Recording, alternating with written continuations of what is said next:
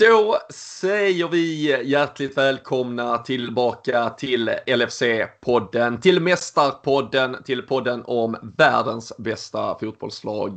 Det är eh, måndag, eh, sådär dagen efter säsongen 1920 som man ja, i vissa stunder eh, trodde skulle ta slut alldeles för tidigt och eh, som ibland kändes som eh, att den aldrig skulle ta slut.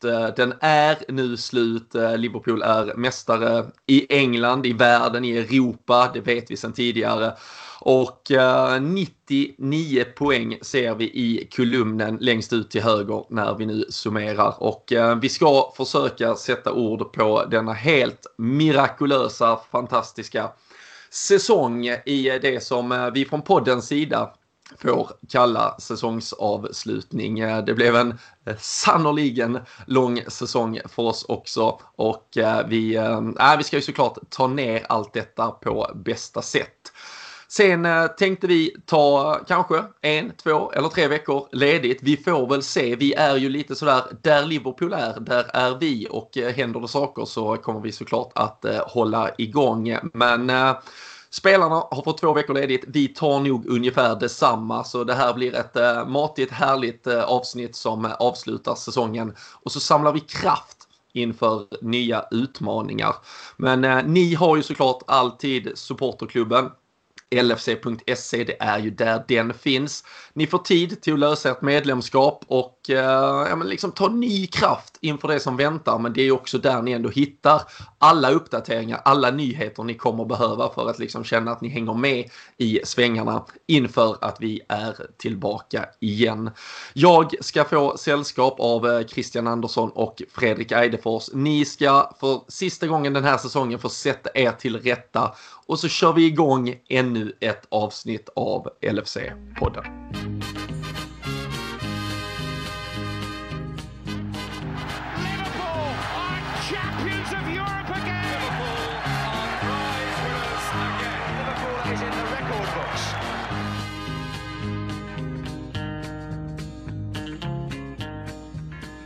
Jajamensan, det har hunnit bli slutet av juli och eh, för eh, en eh, supporterkrets som ibland känner att säsongen var över i september, Fredrik, direkt den hade börjat, så är det lite annorlunda att summera när man normalt sett brukar sitta med bara en eller två veckor fram till nästa säsong så att säga.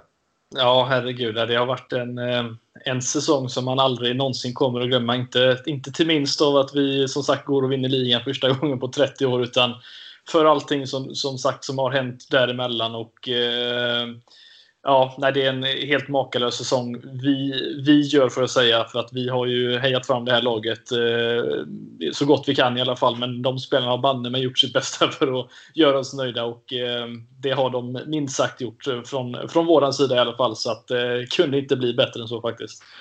Nej, och uh, jag tror, uh, glömde kolla såklart, jag gör ju inte så mycket sån uh, men alltså vi närmar oss alltså 90 avsnitt den här säsongen. Så Christian, vi har väl försökt göra vår lilla del i det stora också i alla fall.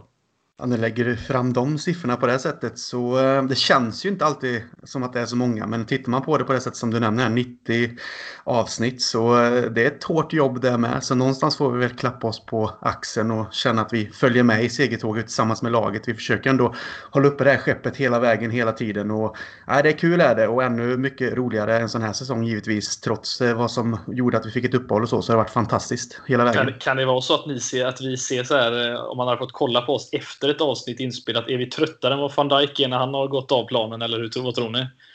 Ja, då, det hade man ju varit nöjd med om man säger så. Det är liksom...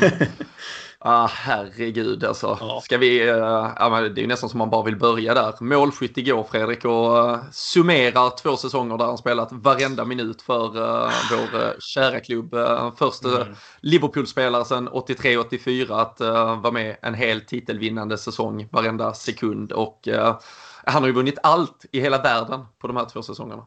Ja, och det är som sagt vi kan gå tillbaka rätt många år och summera just bästa transfers eh, vi har gjort. Och, eh, han är ju absolut nummer ett för att han är den spelare som har förändrat ett lag eh, mest av alla spelare som någonsin kommit in mer eller mindre. Det är, helt makalöst hur man efter den här, det var väl Tottenham-matchen, 4-1 på på, på Wembley när eh, Dejan Lovren blev utbytt. Det var väl den sista matchen vi gjorde där mer eller mindre utan honom va?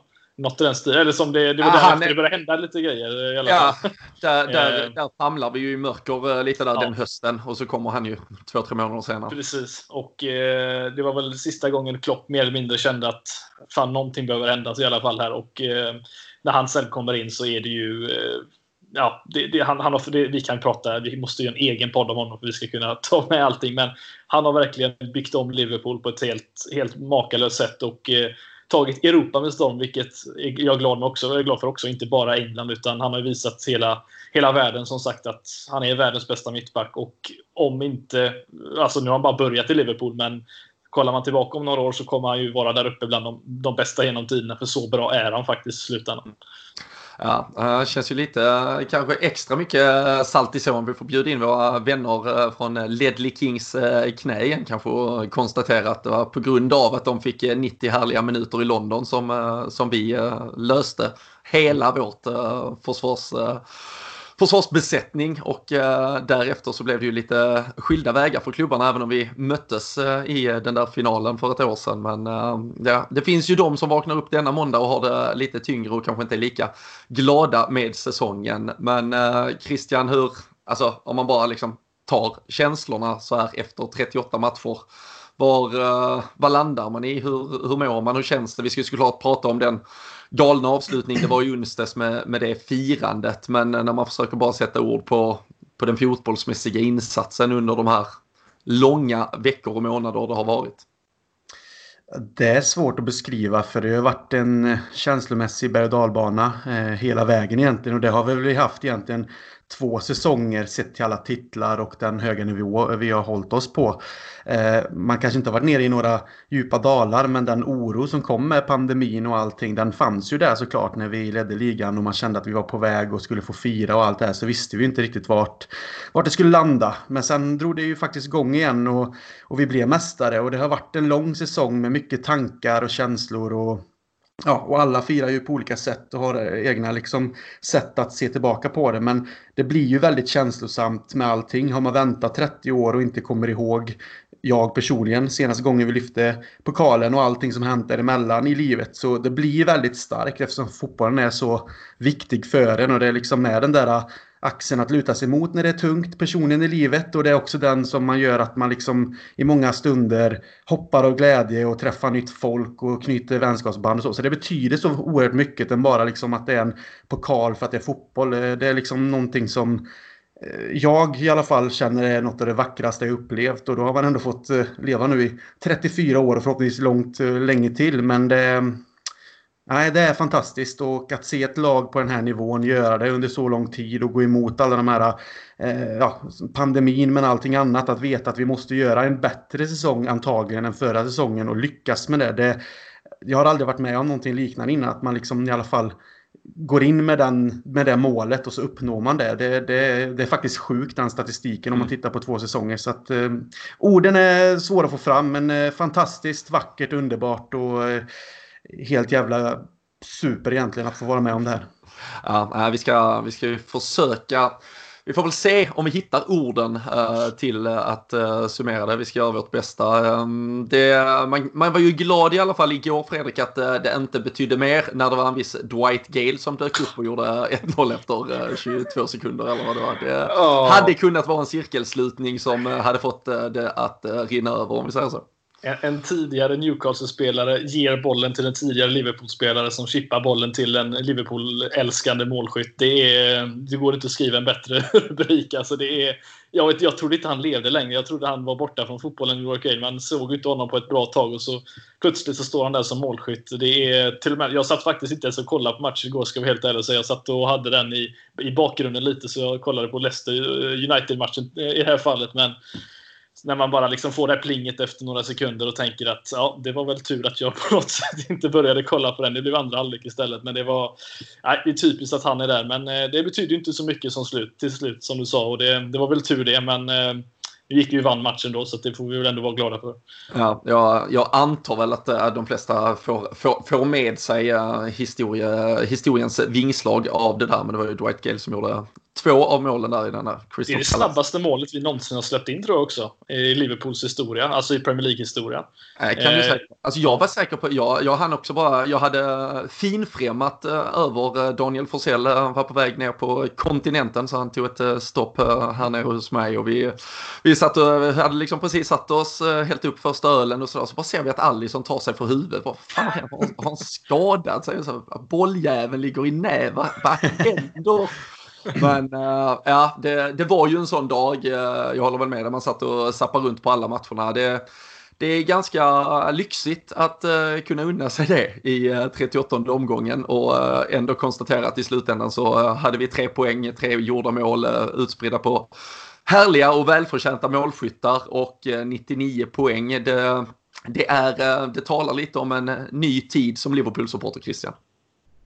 Ja, och när vi ändå inte startar med fronttrion så att säga, de, de bästa, om vi ska kalla dem det, så vi släpper in det där snabba målet, men efter det är det ju Liverpool för hela slanten. Och man väntar väl bara på det där 1-1 målet egentligen för att någonstans kunna ta tag i det och känna att man är på rätt väg. Och det tog ju inte lång tid och van Dijk knoppade in en med sitt huvud och sen rann det på. Divock gjorde ett väldigt fint mål och sen Mané. Så att, eh, det är en, ändå en välförd match så att säga från Liverpools sida. Inga konstigheter utan det var, det var stark statistik för Liverpool. och ja, Newcastle hade ju egentligen inte så mycket mer än just det där första målet som eh, tog oss lite på sängen. Men nej, sen var det stabilt och vi tog de där 99 poängen och vi slog vårt eget rekord. Så att jag är väldigt nöjd med hela insatsen och de alltså, som spelar.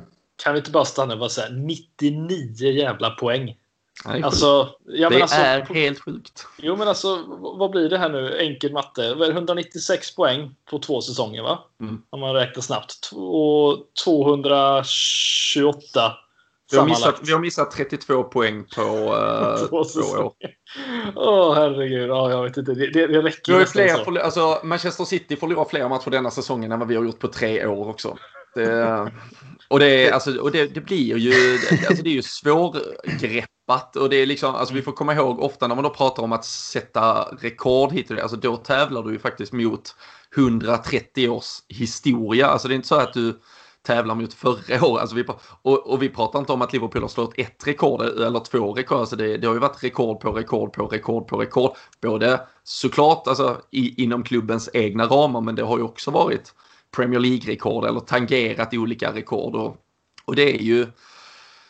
Alltså man måste ju förstå, vi pratade om det tidigt eh, och i samband med att man liksom var på väg mot att vinna den här titeln och hur man skulle se på de övriga rekorden och så vidare. Alltså man måste nog förstå. Uh, du var snabb med att konstatera på min uh, tweet igår Fredrik att uh, det nog fan skulle kunna bli bättre och 101 poäng nästa säsong. Men man måste nog ha förståelse för att det inte är, det är inte helt säkert. Och ehm, du tog upp det innan vi började spela in här också att vi satt och pratade efter förra säsongen vad som skulle krävas inför denna. Och eh, jag vet att jag i alla fall i olika sammanhang pratade om att liksom, vi kan nog inte förvänta oss kanske 90, alltså vi kan absolut utmana om titeln men att man ska fortsätta göra det med 97 poäng. Alltså det kommer också krävas att alla andra inte är lika bra. Och det som nästan är ännu sjukare i årets sammanhang det är ju att de andra är ju faktiskt inte lika bra så det hade inte krävts. Men ändå hittar vi motivation till att ta alla de här poängen och vi hade kunnat få en exakt lika stark utmanare i Manchester City från förra året så hade vi faktiskt vunnit titeln detta året och det, alltså det är nästan omänskligt det de har sysslat med de här spelarna över två säsonger.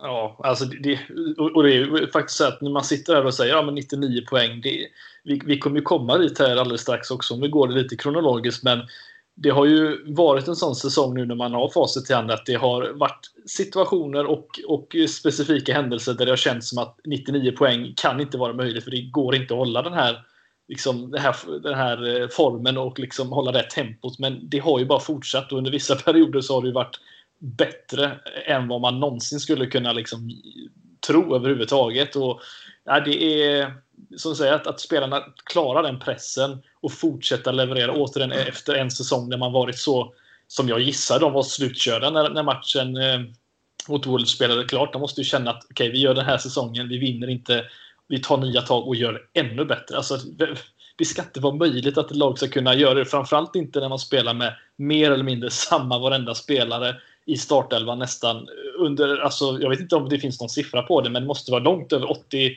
85 procent som det är samma liksom startelva som spelar samma matcher mer eller mindre. Och det är helt, helt sjukt.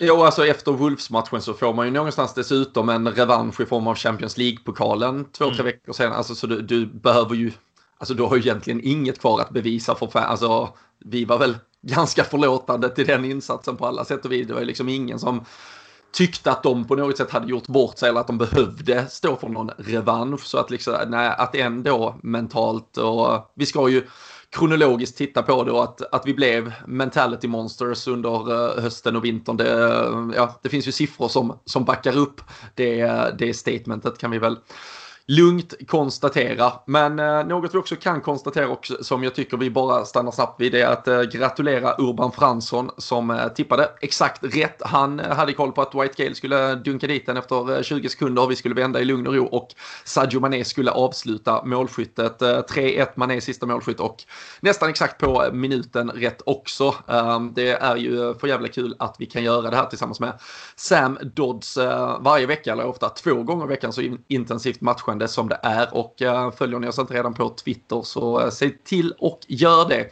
För eh, där har vi tipstävlingar varje vecka. De tar såklart paus nu här i väntan på nya tävlingsmatcher men det kommer att komma tillbaka och till dess så eh, kan ni ju också passa på att besöka Sam Dodds eh, för att eh, geara upp. Det finns massa mm, mästarmerch med Champions-tröjor och annat snyggt att fylla garderoben med. Och när vi ändå är igång med att gratulera folk så ska vi såklart också hylla Patrik Johansson med det väldigt passande namnet efter gårdagens sista målskytt All about the.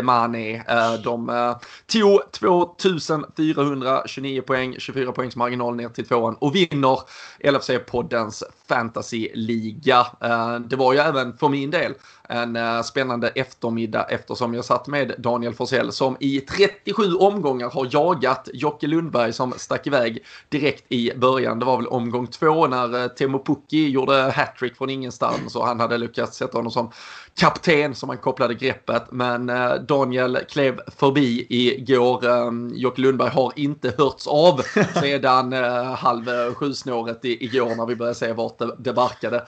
Men vi hoppas att han slickar såren och kommer starkt tillbaka till nästa. Men vi får väl internt också passa på att eh, gratulera Danne. Men eh, Patrik eh, får såklart lite schyssta priser. Vi ser till att Sam Dodds skickar hem något snyggt där också. Ehm, det är ja, många vinnare, många som ska belönas, Christian. Och i onsdags så fick vi väl se det viktigaste av alla vad gällde belöningar, ceremonier, äh, fester och äh, det var en äh, häftig dag, häftig kväll men vi kan väl börja där den slutade i stort sett med att Liverpool satte Premier League-pokalen i skyn. Det var känslomässig översvämning i stort sett. Ja, det var faktiskt svårt att ta in. Man visste ju om det hela tiden att det skulle ske efter slutsignalen mot eh, Chelsea. Och eh, ja, insatsen var ju fin den också sett hur matchen blev. Men att man faktiskt fick vinna då i den matchen för att någonstans krydda det lite extra. Men just att se Henderson lyfta pokalen tillsammans med sina lagkamrater på hans nu liksom legendariska sätt, de här tippande tårna som jag sa innan, de här med ord och inte kunna sätta ord på saker och ting. Men det har man ju inte fått se tidigare. Detta är ju första gången man med sina egna ögon faktiskt tittar på när en Liverpool-kapten lyfter Premier League-pokalen i skyn. Och det är någonting som sagt som det vackraste jag har upplevt och sett och känslorna svallade ju över. Först var man faktiskt både lite tom och sen kom tårarna och sen kom glädjen och hoppen. Så det var verkligen en, en dag och kväll då där vi fick vara tillsammans Robin på Olivedal i Göteborg där man man visste inte riktigt vart man skulle ta vägen helt enkelt. Men det, det var bara en energi i, hela, i det hela. I hela liksom, ja, Oliver Dahl tillsammans med alla andra. Så man vad det här betydde för, för eh, de som var där och för alla Liverpool-fans där ute också. Och eh, ja, att, att nu få liksom säga att vi har den här Premier League-titeln och den finns där. Det, det är någonting fantastiskt som vi kommer bära med oss nu under hela sommaren. Och sen, sen är det nya tag. Men att ha den här eh, ja, det är bara fantastiskt underbart. Jag vet inte riktigt vad mer jag ska säga.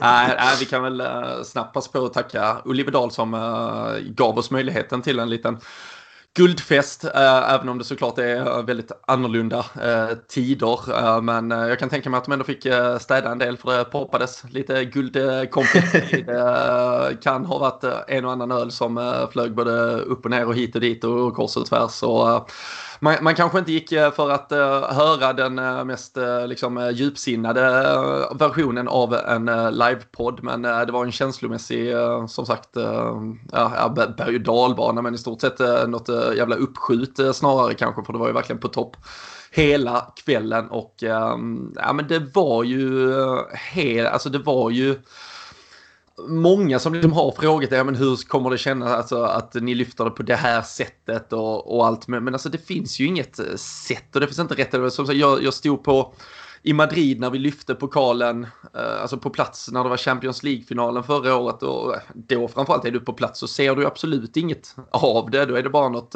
liksom, litet jippo som försiggår någonstans där långt borta där du ändå inte kan ta in riktigt. Alltså det, det är ju en, en fest för spelarna och vad man nu kan tycka om det så är det ju såklart också någonting för tv-tittarna och tv-bilderna och det ska egentligen bara se till att du, du har snygga bilder till historieböckerna. Det är ju liksom därför hela Anfield i stort sett stod i, i lågor för att liksom fira detta eh, oavsett om det då var med en publik som också ramade in det eller inte. Men eh, också just att och jag tycker man har förstått det. Vi ska prata såklart en Adam Lallana, vi ska prata spelare som är på väg att lämna den här klubben kanske under denna sommaren och längre fram. Men alltså att, att de här spelarna tillsammans får det där ögonblicket. Alltså man förstår de det är klart de alltid spelar för fansen och det är klart de framförallt i varenda intervju behöver påstå och säga att de gör det. Men vi måste ju också förstå att de är människor och de är kollegor och de är liksom eh, bästa vänner, många av dem som har knutit band till varandra där de får avsluta det tillsammans med den där festen. Och eh, vi kan ju tycka att det hade varit jävligt mycket roligare om vi fick vara en, en även fysiskt närvarande del av den. Men alltså jag tyckte man såg hur mycket den stunden betydde för spelarna och för deras gemenskap. Och det, och det är ju deras resa som, som gick i mål. Eh, det är de som har sett varandra kämpa med om det så är eh, enorm kritik vid sidan av planen, eh, kan vara skadehelveten de har tagit sig igenom. Man vet att någon kanske trodde att deras karriär skulle gå något helt annat håll. Eh, jag vet inte om Mohamed Salah trodde när han liksom lånades ut till Fiorentina om det var det här det skulle sluta i. Jordan Henderson har vi pratat liksom miljontals gånger om vart den karriären borde ha tagit vägen kanske. Om det hade varit andra som tog de sista besluten. Det finns så många sådana historier där man inte alls hade kunnat veta vart det här skulle ta vägen och nu istället så avslutas det med att de står uh, inför liksom, ja, men, världens största supporterskara som finns i varenda hem, varenda vrå av världen och, eh, och får lyfta upp den där Premier League-pokalen och få den av uh, Kenny Dalglish, Jordan Henderson sätter upp den i skyn.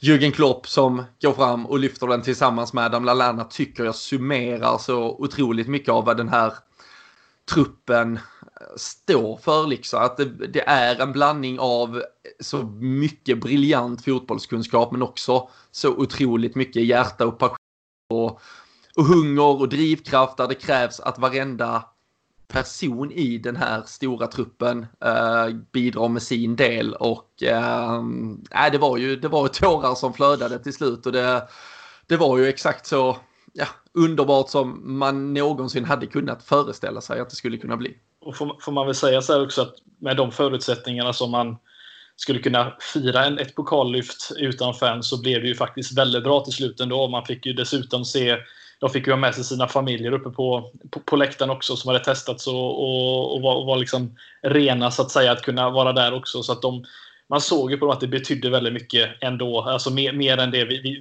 vi tror på något sätt. För de fick göra det även med sina familjer som lever med de här människorna varje dag efter, ja, nu var det inte så mycket besvikelse under den här säsongen, men de har varit med dem under svåra situationer. De fick fira med dem nu också. Så att det, man märkte ju på framförallt Klopp exempelvis. Han gick och vinkade jätteofta upp till läktaren där och det betydde väldigt mycket för de här och det var fantastiskt kul att se de bästa förutsättningarna man kunde man kunde göra det av egentligen. Så att, eh, tyckte det blev väldigt, väldigt bra till slut ändå, får vi ändå säga.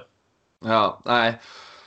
Verkligen. Det, det var, och, och, som sagt, alltså, för återigen, alltså, ja, det är ju med, med, med varandra och med sina familjer, det är ju de de hade firat det med ändå. Mm. Så, alltså, ja, det hade kunnat vara en läktarinramning. Nu var det ändå, det var nersläckt och det var allt, alltså, nej, det, jag tycker inte man, eh, man kunde absolut inte begära mer och jag är helt övertygad om att eh, spelarna fick den, den avslutningen på säsongen som eh, de ville ha gemensamt och äh, det är ju det är ju svårt, alltså, man, man insåg ju när man också alltså, väntade på att uh, Jordan Henderson till slut skulle komma upp och hämta pokalen så var det ju spelare efter spelare som, som kom upp där och man kan ju inte, man kan ju inte bestämma sig längre liksom vem man typ älskar mest och vem man blir mest uh, imponerad. Ja, men det, och vi kan ju diskutera player of the year och vi kan diskutera och vi kommer väl säkert komma in på det men liksom det, det finns inte längre sådär, ah, men de där två eller de där tre. För så plötsligt kommer Firmino i sina jävla eh, glasögon inglidande och sen så kommer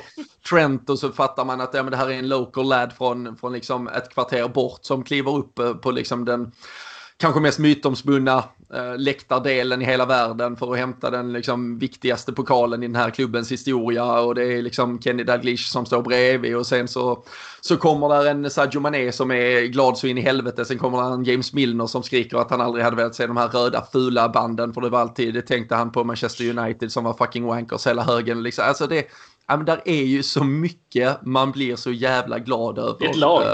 Ja men det är ju det. Och liksom jag förväntar mig kanske känslomässigt att ja, när Jordan Henderson kommer upp och tar upp pokalen då, då lär det brista. Men det brast för fan var, var tredje gång. Där kommer den jävla spelaren. Man säger ja, men där är ju den jäveln också. Liksom. Det nej. Ah, Christian, ta över. Eller det är det. Ska jag ta över som knappt kan prata och få fram ordet? Nej, men jag håller med dig Robin att man, man kanske förväntar sig just lyftet som den stora som skulle få det att liksom, brista då med tårar och glädje och allting egentligen. Men jag håller med dig. Det, det började ju nästan bara direkt när de började komma upp där, grabbarna en efter en. Att man liksom inte riktigt visste vart man skulle ta vägen. Och jag håller med i allt det du säger. Att vi kan prata om, man kan ha favoritspelare, vem som varit viktigast och så vidare. Men det Klopp har gjort så jävla bra med den här truppen det är att man älskar varenda jävel i den för att han har byggt ett lag, precis som eh, Fredrik är inne på. Han har verkligen byggt ett lag där varenda spelare eh, har en viktig roll. Oavsett om det är att du är sentimenterad i startelvan eller om du är en bänkspelare och en inhoppare eller bara med i truppen så har du din roll och det är det som gör hela grejen till en en vinnande enhet och det har vi sett länge nu. Så att han är ju liksom maestron bakom det hela. Och Ja, jag håller med dig med eh, det här med att Klopp lyfter med Lallana säger så mycket om, om Klopp som människa också. Och mm, fan, jag blir nästan gråtfärdig bara jag tänker på det. Men nej, fantastiska scener och att alla de här grabbarna får göra det här tillsammans. Och visst, Klopp var inne på det. Det hade varit bättre med fansen eh, på plats. Men nu var inte det möjligt utan man gör det på bästa möjliga sätt ändå. Och när tiden är kommen och att när det, när det faktiskt går att utföra, då kommer vi fira tillsammans. Så det är ju någonstans man får sitta och vänta på en, en slags segerfest igen. Och det är ju egentligen inte så fy skam på det sättet, utan man, man kan gå och bygga upp en, en känslomässig eh, väg uppåt igen och få vara med om någonting när vi väl kan samlas alla igen på normala, ja, i normala former egentligen. Så att, eh, nej, scener var fantastiska, Klopp är fantastisk och sen eh, får väl Fredrik ta över nu för nu vet inte jag vad jag ska säga längre. Ja, nej, men alltså det, det, det var som sagt när man ser alla de här lyfta pokalerna så det enda jag tänker vilken resa. Det, det är liksom det enda. Det har inte varit en Alltså de här två säsongerna men framför, har ju varit helt fantastiska. Men framförallt den här som betyder Premier League-vinsten. Eh, alltså får han ju bara liksom att tänka tillbaka om när säsongen började, vad man faktiskt har gått igenom. Och det har varit så fruktansvärt många situationer som som varit så viktiga och som har varit så avgörande och eh, ja, betytt så extremt mycket. Eh, då även med fans på läktaren, vilket gjorde att det kanske blev extra, extra mycket då. Men eh, nej, jag tänker bara vilken jäkla resa det har varit. Ja. Ja, nej, verkligen. Vi ska väl ta oss eh, tillbaka eh, lite kronologiskt och eh, man kan väl för att knyta det till den där Chelsea-matchen konstatera, du pratade om Virgil van Dijk som en värvning man, eh, man kommer att prata om eh, för evigt. Eh, Chelsea valde Kepa Arrizabalaga, Liverpool valde Alisson Becker. Hans typ 300 insläppta mål där mot oss den eh, onsdagskvällen eh, så kan man väl eh, konstatera att eh, det, var, det var rätt skönt att de eh, lotterna föll som de gjorde. Men vi hade en säsongsinledning, Fredrik. Vi hade gått den där sommaren och bara väntat och väntat på att vi skulle starta revanschen, det stora liksom återupprättandet av att alla de där poängen från säsongen innan skulle kunna ge oss den där eftertraktade ligatiteln och så hann man i stort sett bara bänka sig och Eh, så drog det till i baksidan på Alison Becker. Och eh, vi visste knappt om vi hade någon andra målvakt. Adrian var väl en vecka gammal ungefär i klubben. Och eh, får kliva in, men det var ändå en eh, Premier League-start som eh, ja, man nästan sent kommer glömma för den, den, den blir ju ändå bara bättre och bättre de där första månaderna. Ja, alltså det är som du säger, man, man, man satt där och bara tänkte att nu ska vi kicka igång säsongen, nu ska vi banne med vinna den här titeln. Alla pratar upp oss som, som favoriter mer eller mindre. Visst, det står 3-0 när, när Alisson skadade sin vad eller vad det var han drog där, men det är fortfarande så att när de 3-0 hade gjorts, strax innan 4-0, så tänkte man att okej, okay, det här är en start. Det här är ju en, precis den starten vi behövde. City hade ju kvällen innan, tror jag väl, varit gott och slått West Ham med 5-0 på bortaplan och tänkte vi behöver ju liksom göra något liknande här för att sätta, sätta ribban högt också. Och, eh, men så när han drar den här, som sagt, vaden eller vad han skadade, så, så tänker man att det är inte så här det ska börja. Alltså, vi vet ju att vad det betyder. Det är säkert en månad lite till han är borta hur ska detta sluta? Och eh, ja, det är som sagt, det, som hände därefter blev ju väldigt speciellt. För in kom ju en, en kille som aldrig någonsin i hela sitt liv tror jag skulle tro att han skulle stå och försvara målet på The Cop. Liksom.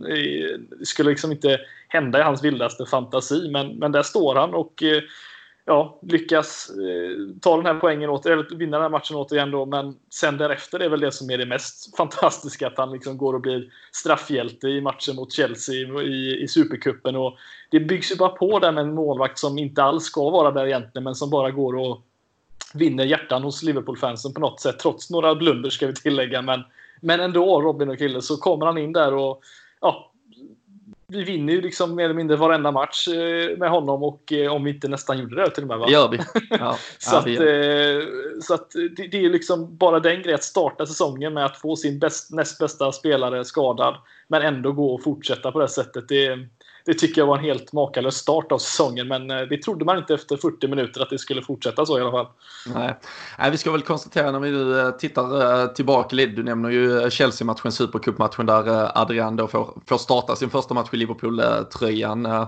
Minns ju till och med faktiskt, det var ju träningsbild. Det var väl i och för sig inför Southampton sen i andra matchen, alltså första ligamatchen han skulle stå när det kom bilder från att han hade skadat sig på träning också. Det eventuellt skulle bli Andy Lonergan i målet. Då kände man att nu går det åt helvete här.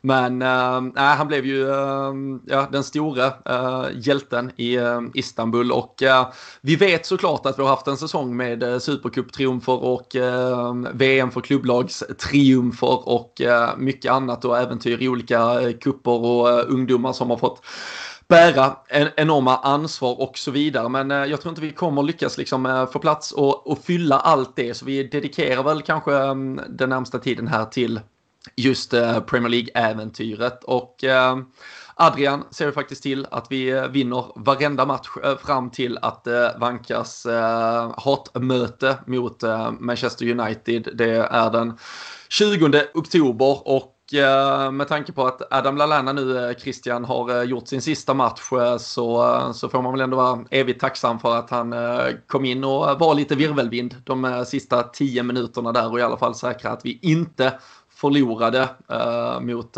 rivalen redan där. Ja, även om det var eh, relativt tidigt in på säsongen så är det väl det perfekta avslutet för en spelare av eh, Lalanas sort. Eh, någonstans hade man väl kanske vetat om att hans tid i Liverpool var på väg ut för eller om liksom, man visste inte, kommer han vilja lämna eller kommer han kanske fortsätta just för att vara en truppspelare, vad kommer ske?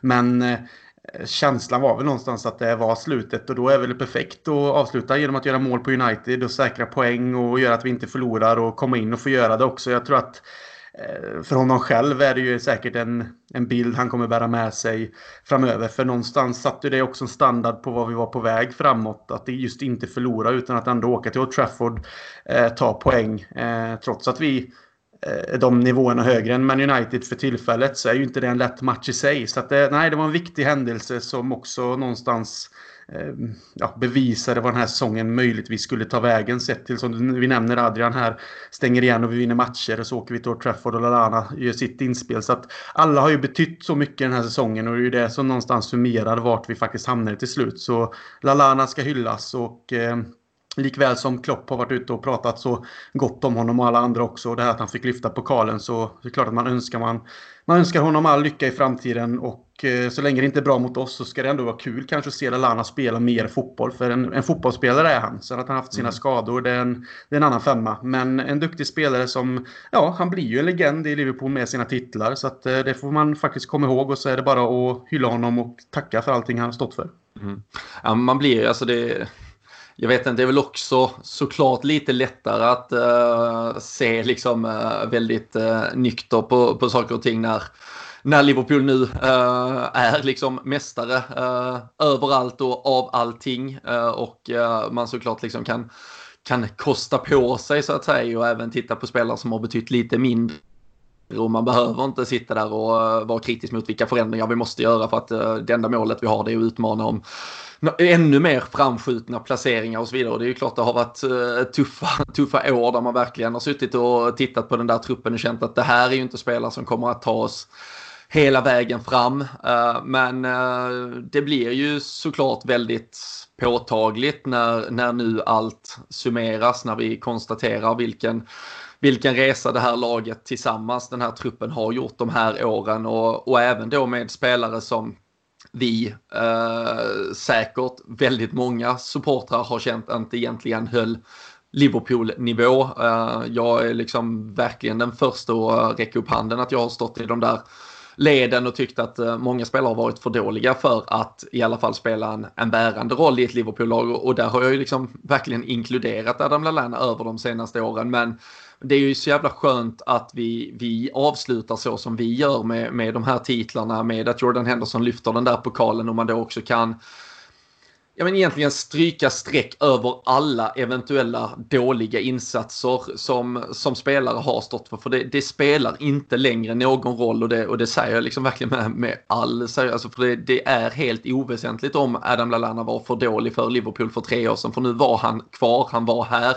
Och det blir så otroligt uppenbart när man hör dels lagkamrater prata och det är också många spelare i till exempel en sån som Jordan Henderson, Andy Robertson har varit ute och skrivit som har blivit dessutom en, en otroligt bra vän. Och då, det kan man ju liksom ta eh, lite, det blir en del av hyllningskören men det som har varit otroligt mäktigt i, i fallet Adam Lallana det är ju att spelare även som har lämnat, alltså det är ungdomsspelare som nu eh, kanske spelar liksom i Fleetwood eller något annat jävla skitgäng som, som har tagit till sina sociala medier och skrivit om hur mycket Adam Lallana betydde för dem första gången de kom upp och bara tränade på Melwood. Och, och det är ju värden som vi som supportrar aldrig någonsin kan liksom värdera utifrån eh, prestation som sker på planen, varken individuellt eller vad man är med och leder laget till. Om, om en spelare som Adam Lallana kanske ger 3% till en Curtis Jones och en Neco Williams och de blir våra nästa storspelare, då, då, då är det liksom så, så mycket mer betydelsefullt än vad, än vad vi någonsin kommer förstå och eh, av allt att döma och allt man kan ta sig till och läsa sig till så, så har Adam Lallana varit en spelare som har både se till att A-lagsgruppen och de riktigt bra spelarna har haft en otroligt jävla bra sparringpartner som har gett allt på träning och verkligen borrat ner huvudet oavsett hur många minuter han har kunnat ens drömma om att få i det här otroligt bra laget. Men att han också har spelat den rollen vid sidan av och eh, varit en brygga för, för väldigt många. Det, det, ska, det ska han minnas och eh, nu ser allt väl ut som att eh, det blir Brighton för honom. Och när Brighton väl kommer till Anfield så eh, kan jag lova att det är med rungande applåder för, ja, från ett förhoppningsvis så fyllt Anfield som möjligt som, eh, som tar emot honom och eh, det, det förtjänar han verkligen. Och um, något annat som förtjänar applåder det är det vi gör efter den Manchester United-matchen Fredrik. För där Sen var det som att man aldrig behövde vänja sig vid förlust igen ungefär. Ja, alltså det är... Jag, jag, tycker väl visserligen också att man ska, man ska hylla lite av de grejerna som, som skedde under den här perioden som vi nämnde då Adrian eh, var, var en del av. Men tycker ju att matchen innan var, satte lite också punkten för för det här Liverpool som det skulle bli på ett sätt med eh, nio stycken 2-1 vinster som det faktiskt blev till slut, vilket jag tror är ett rekord även för våran del. Eh, det är sällan vi har vunnit med så många 2-1 eh, vinster och det är liksom väldigt mentalt viktigt att ta de här poängen i slutminuterna som det blev också. Vi hade ju Leicester-matchen precis innan Mm. matchen mot United som, som ja, det, det, det, blev ju liksom i mål var 96 minuten som Milner satte den här frispar, eller straffen och det, det, finns många situationer innan den här United. Visst, det här krysset var viktigt, men Wijnaldums turliga mål mot Sheffield United matchen innan Leicester som gav oss tre poäng. Milners straff i den 96 som gav oss tre poäng. Det är sex poäng där som betydde extremt mycket. Men som sagt, som du säger då, ta det här krysset och ändå starkt mot ett, ett väldigt lågt sittande United och sen bara gå och vinna mer eller mindre. Ja, det, ja inte mer eller mindre, vinna varenda match i ligan. I, i vad blir det nu? Hur många? 18 matcher sa vi va? 18 matcher eh, fram till Watford. Ja, och, det, och då pratar vi liksom mitten av februari. Eh, slutet av februari blir det väl till och med. Och eh, alltså, så, så många gånger så... Okej, okay, okay, vi kan hålla oss till, i poddform här då, men jag har hållit i Liverpool, på Liverpool många år innan vi började podda också.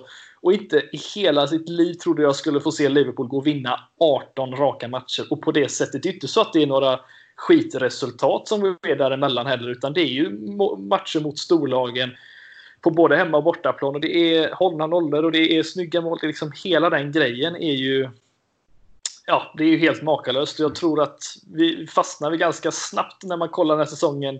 Det som sker strax därefter tror jag, det är väl Aston Villa-matchen som är, mm. jag tror ändå den vi kanske borde sätta oss lite och, och prata lite mer om. För den matchen på bortaplan när vi vinner med 2-1 är nog en av de viktigaste matcherna på säsongen, om inte den viktigaste i slutändan. Mm. Ja, men det är ju, eh, vi pratar sliding doors med målvaktsvärvning och här, här är det väl extremt eh, påtagligt. Det är ju en en sån där klassisk eh, lördag klockan eh, fyra tips extra tid när eh, både Liverpool och Manchester City spelar.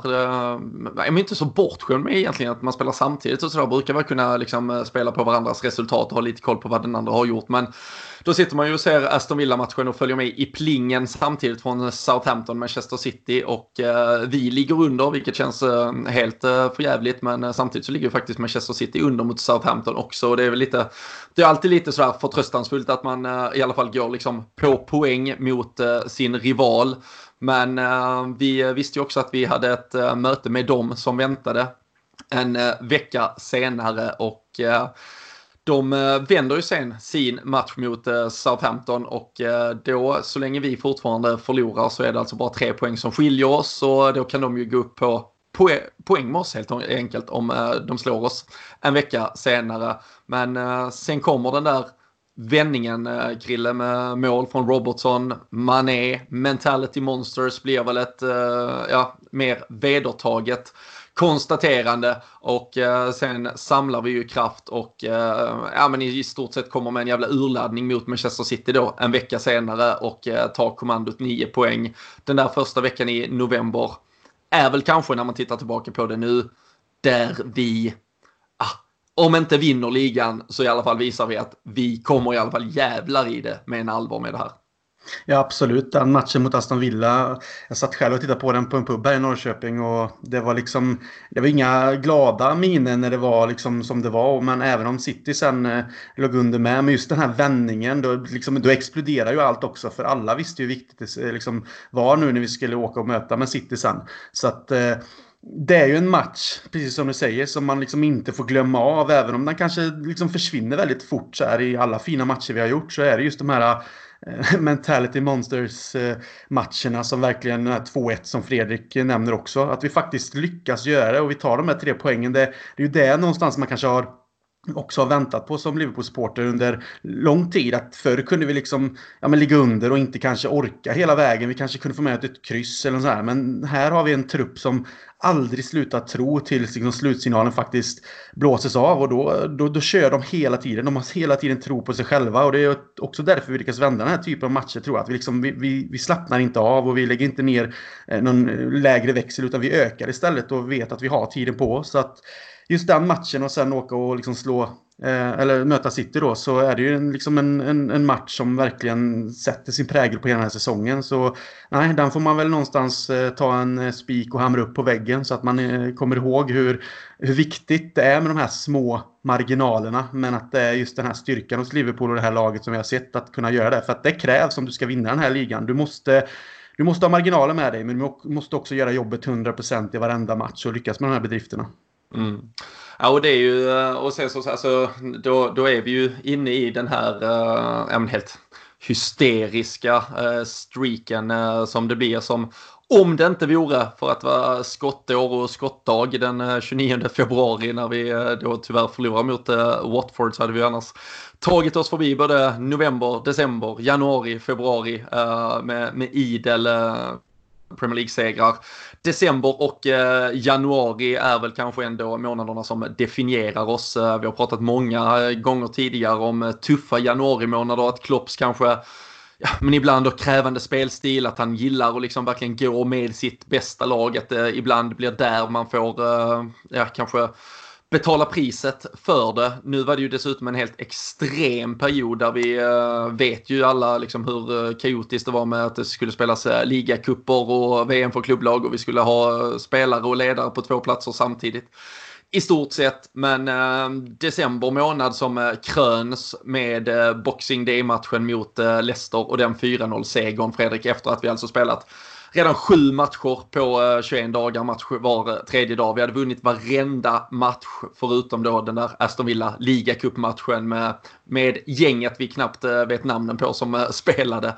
Men det där var väl, ja, om det andra hade varit liksom ett segdraget, vi konstaterande av att vi ger oss inte, vi kommer nog vinna varenda match hur tufft det än blir, så var ju det här när det hade börjat byggas upp lite som att Leicester till och med skulle kanske kunna vara med och utmana och allting så eh, hamrar vi ju ner spiken eh, rätt rejält där. Ja, verkligen. Och det är som sagt bara några dagar efter att man då vunnit eh, VM för klubblag så åker man då till, eh, till, till Leicester på bortaplan och, och inte bara vinner matchen utan står för den, ja, det får väl ändå klassas som den bästa prestationen under säsongen i slutändan Crystal Palace hemma, visserligen nu då när första matchen tillbaka var väl en av de bästa också, men det här var ju med tanke på vad det betydde också. Det var, mm. Nu kommer jag faktiskt inte ihåg hur långt före vi låg dem, men det blev... Eh, man kan ju säga att vi drog iväg ganska bra efter den matchen och Leicester började tappa otroligt mycket och vi fortsatte bara ånga på i slutändan. Men att vinna med 4-0 på bortaplan på det sättet vi gjorde, det var... Jag vet inte om, om, ni, ens, om ni kommer ihåg matchen i sig, men alltså så högt, många gånger vi vann boll på deras planhalva. Det var den perfekta matchen om man skulle mm. fråga Klopp tror jag. Alltså, så bra vi spelade och gjorde, släppte till knappt någonting. Och det var, nej, att, att gå och vinna på det sättet, det var ju verkligen ett statement får man ändå säga. Och, eh, fantastiskt att och liksom påbörja det nya året några, någon vecka senare där också och fortsätta vinna som sagt. Men det där var verkligen starten på återigen någonting nytt igen, alltså på ett nytt år helt enkelt. Mm. Och där var ju också, alltså där känner man, alltså för det första kanske att man var lite orolig över alla matcher som hade varit. Eh, det hade varit resandet och så, så här så både City och Leicester var ju där bak och ändå, sen hade ju, som jag City hade ju slått Leicester bara dagar innan så det börjar ju mer och mer bli att ja, men det är City som utmanar oss men om Leicester då skulle börja ställa till det för oss och liksom vad skulle hända? Och vi visste vi hade rätt tuffa matcher sen i årsskiftet där eh, januari-december eller december-januari var som sen början på, på året. Och liksom skulle man tappa där för att man inte riktigt orkade hur skulle man då lyckas liksom samla kraft? Och att ja, att komma och göra den matchen och, och sen då det som kanske var mest för där, där kände man då blev det ändå någon urladdning i koncentrat liksom att eh, okay, alltså här, här stämmer allt, det bara flyter, vi, vi utklassar allt. Men det är ju nästan än mer imponerande när man sen kanske tröttheten faktiskt kommer ikapp oss istället tre dagar senare. Att vi hittar alltså sätten att slå Wolves med 1-0, Sheffield United med 2-0 och det här var ju lag som vid de här lägena på säsongen var kanske i sin absolut bästa form. De hittar ju sätt att, att slå i stort sett vem som helst på andra, eh, liksom, eh, med andra, eh, andra taktiska planer. Men liksom vi bröt ner det, vi lyckades. Det var mycket att det studsade åt rätt håll för oss och så vidare. Men 1-0 seger mot Wolves, 2-0 mot Sheffield United, 1-0 mot Tottenham. Och sen Krille, 2-0 mot Manchester United när Allison skickar upp den till Salah. Han stänker dit den. Då är det väl eh, ett Anfield som såklart exploderar i att nu ska alla fan i mig tro oss och eh, vi satt väl och nickade instämmande och kände oss lite fat and happy att eh, det kanske är nu det händer. Ja, det var ju den matchen mot United hemma där som någonstans, ja, det blir ju liksom det som markerar att vi faktiskt känner på oss mer och mer att det här blir våran säsong. Det, det är den här säsongen vi kommer vinna Premier League.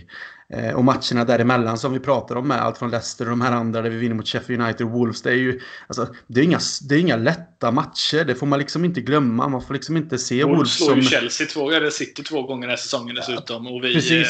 Ja. Man, man, får ju se, man får inte se Wolves som ett sånt lag längre. Det kanske man inte gör, men det är lätt att se bara Wolves som namn. Att ah, men ett lag som egentligen kanske inte är så starkt. Men de är jävligt starka och ett bra lag. Spelar bra fotboll och tuffa att möta. Så att det, är liksom, det är ingen lätt uppgift, men vi gör det. Och Sheffield United som nykomlingar gör ju en fantastisk säsong eh, med, sina, med sin taktik och sitt sätt att spela fotboll. Men även där lyckas vi liksom ta det och göra jobbet som krävs. Och så åker vi liksom eh, hem och är på Anfield och möter United och jag satt faktiskt och tittade på lite samman Eh, dragningar från den matchen också. Och vi har ju många lägen att göra fler mål. Liksom där vi är ju bra. Men det är det här att det vill inte riktigt in och det, det står bara 1-0 och man, man tänker inget dumt jävla poängtapp här nu. För det här liksom är tre, tre poäng som är väldigt viktiga. Men så kommer den här assisten från Alisson och Salah som liksom håller ifrån och gör mål och det exploderar. Och det, det är ju de känslorna som är helt fantastiska att få vara med om. För där sätter vi verkligen de här känslorna som jag sa innan att nu kommer ingenting stoppa oss, nu kommer vi vinna Premier League. Och det var ju det som du sa Robin, som sjöngs från Anfield och någonstans där tog vi det steget där man faktiskt själv trodde på det och kände att nu, nu fortsätter vi bara på den inslagna vägen så vi får lyfta den där jävla bucklan. Ja, nej. Det, det var magiska eh, scener och eh, det var ju sen en, en vår som eh, väntade där såklart ingen kunde förutse uh, exakt hur uh, märklig och konstig uh, den skulle bli.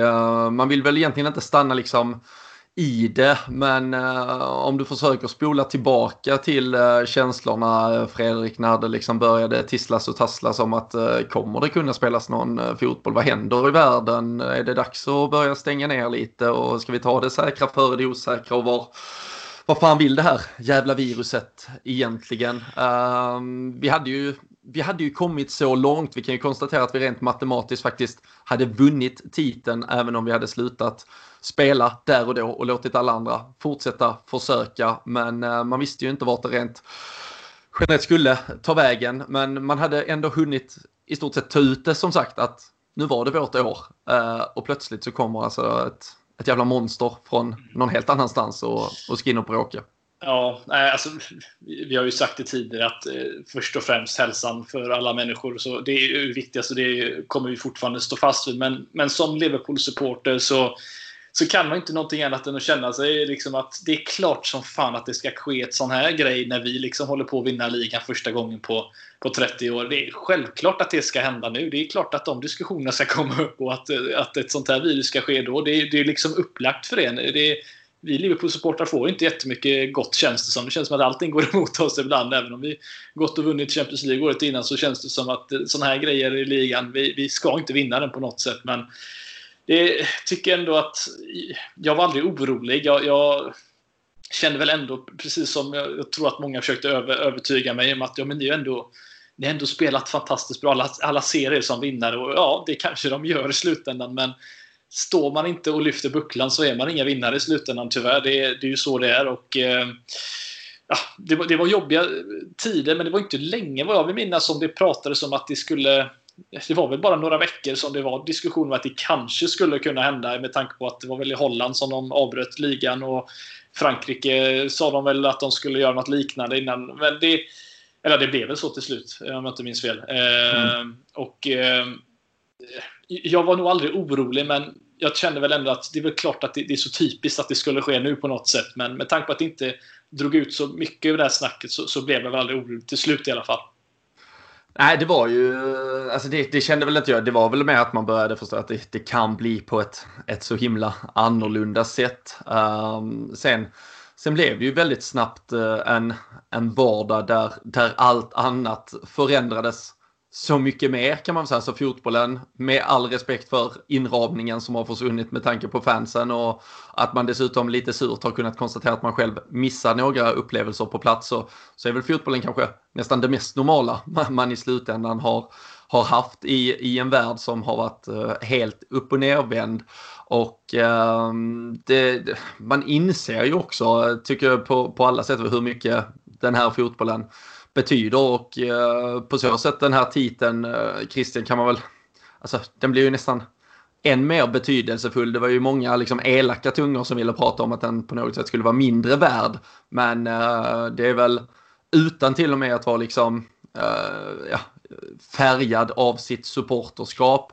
Så den titel och att det finns någon form av gemenskap, att det finns någonting vi kan enas och samlas kring, även om det har varit i mindre konstellationer och på andra sätt. Men eh, att man, att man hittar de här gemensamma beröringspunkterna har man ju förstått kanske är ännu viktigare i den vår vi har haft än vad man har ens kunnat ana i, under de här 30 åren man har väntat på den här dagen. Jag håller med dig fullt ut där. Om man, om man ser till att fotbollen stannar av eh, och sen ändå någonstans diskuteras vad som kommer ske och man ändå visste sen att det kommer liksom spelas klart när det är säkert att göra det så eh, som Fredrik är inne på, med hälsan går såklart före eh, allt. Men fotbollen betyder så mycket för så många människor. Det, det, är ett sätt att någonstans finna ett ljus i det mörker som fanns. Det, eh, även om man inte kunde samlas på arenor och eh, på pubbar på det, på det viset som tidigare så mm, kan man fortfarande idag med hjälp av sociala medier ändå diskutera fotboll. Man kan vara med i sammanhanget på ett helt annat sätt.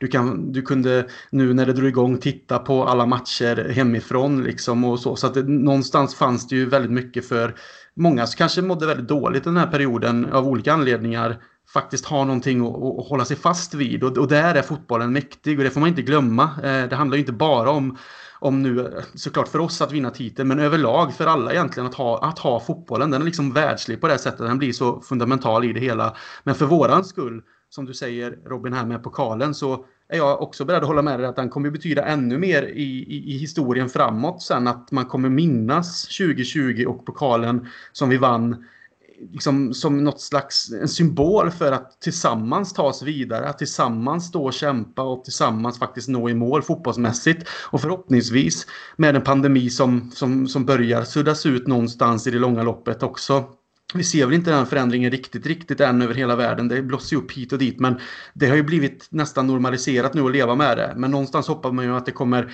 komma en tid där det börjar försvinna och att vi löser den här frågan. Men det, då har man den här pokalen också som styrka kan jag känna personligen. Att veta att 2020 var ett tufft jävla år för, för mänskligheten och människor över hela världen. Men fotbollsmässigt var det ju ett år som var fantastiskt. Och i slutändan så så tog vi oss hela den vägen och det var liksom ingenting som på något sätt fick stå i vägen, inte ens en pandemi. Och det kommer bli en symbol för, för mig personligen. Jag tror för många Liverpool-supportrar. Istället för det här som andra supportrar till andra lag pratar om att ingen kommer minnas. Så tror jag att man kommer minnas det här mycket starkt jämfört med kanske tidigare upplagor som har vunnit titlar. För det här är någonting som ingen har varit med om innan. Och vi gör ändå det här. Och det är lite typiskt Liverpool att göra det på det här sättet. Och det är också därför vi kanske inte gillas av andra supporterskaror. För att vi någonstans alltid gör det lite mer speciellt än alla andra.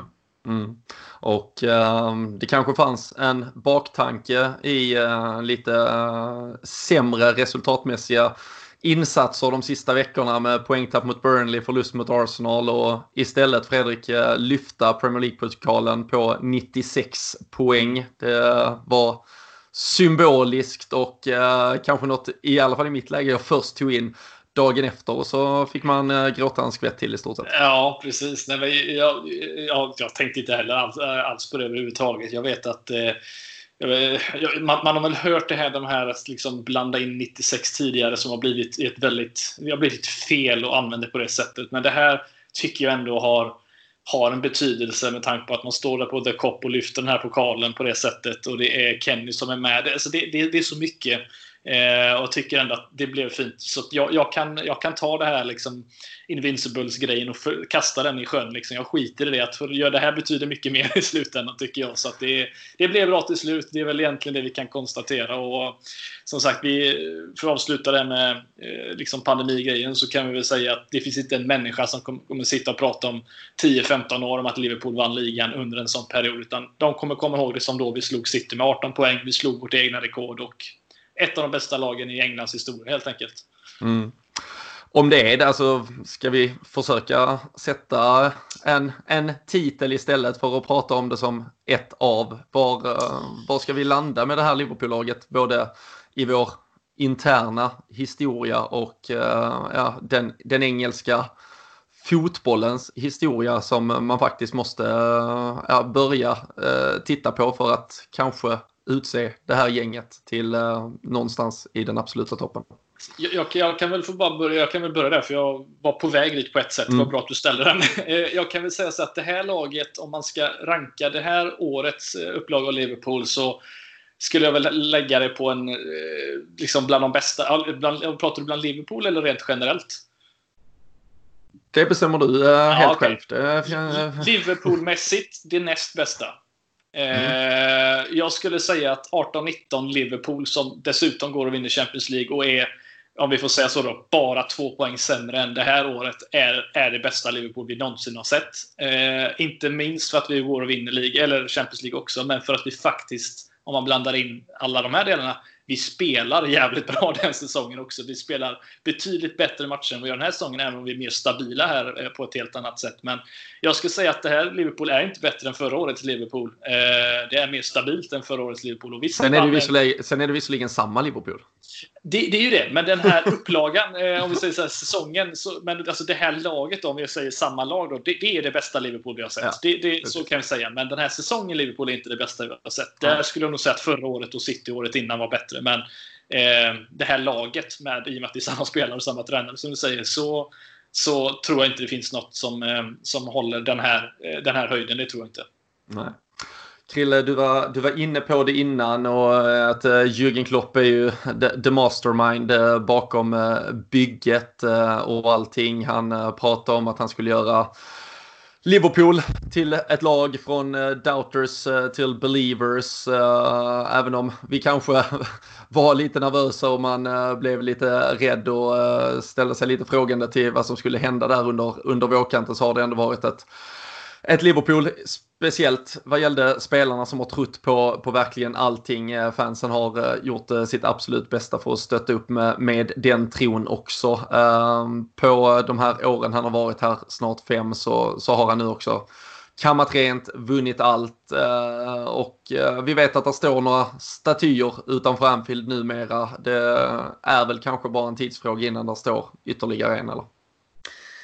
Ja, alltså en staty ska ju mannen ha. Men eh, när det blir, det är en annan fråga. Men eh, det behöver inte dröja så länge tycker jag personligen. Det vore väl trevligt med ytterligare en eh, legend där ute tillsammans med de andra. Så nej, Klopp, eh, liksom som du säger, han kommer in och pratar i sina första intervjuer och just det här med doubters to believers. Och det handlar inte bara om oss fans utan han har ju gått in och gjort spelarna, de han har värvat in såklart, men också de som fanns där innan när han kom. Han har ju gjort samma sak med dem. så att det är ju hans sätt som manager och person att faktiskt pränta in den mentaliteten att vi ska vända på allt det här och vi ska bli det bästa laget. Och fem år senare som du säger så står han här och liksom har vunnit allt. Eh, de finaste titlarna man, man kan vinna inom fotbollen. Eh, både ute i Europa och nu den inhemska då. Så att, eh, nej, eh, Klopp är ju en manager som man, man hade ju velat knyta upp honom på livstidskontrakt. Att han aldrig någonsin skulle få lämna den här klubben. Men det är många år kvar och mycket potential kvar och mycket mer att få ut som man säger med. Och man vet aldrig, det kanske kommer in något nytt och allt det här. Så att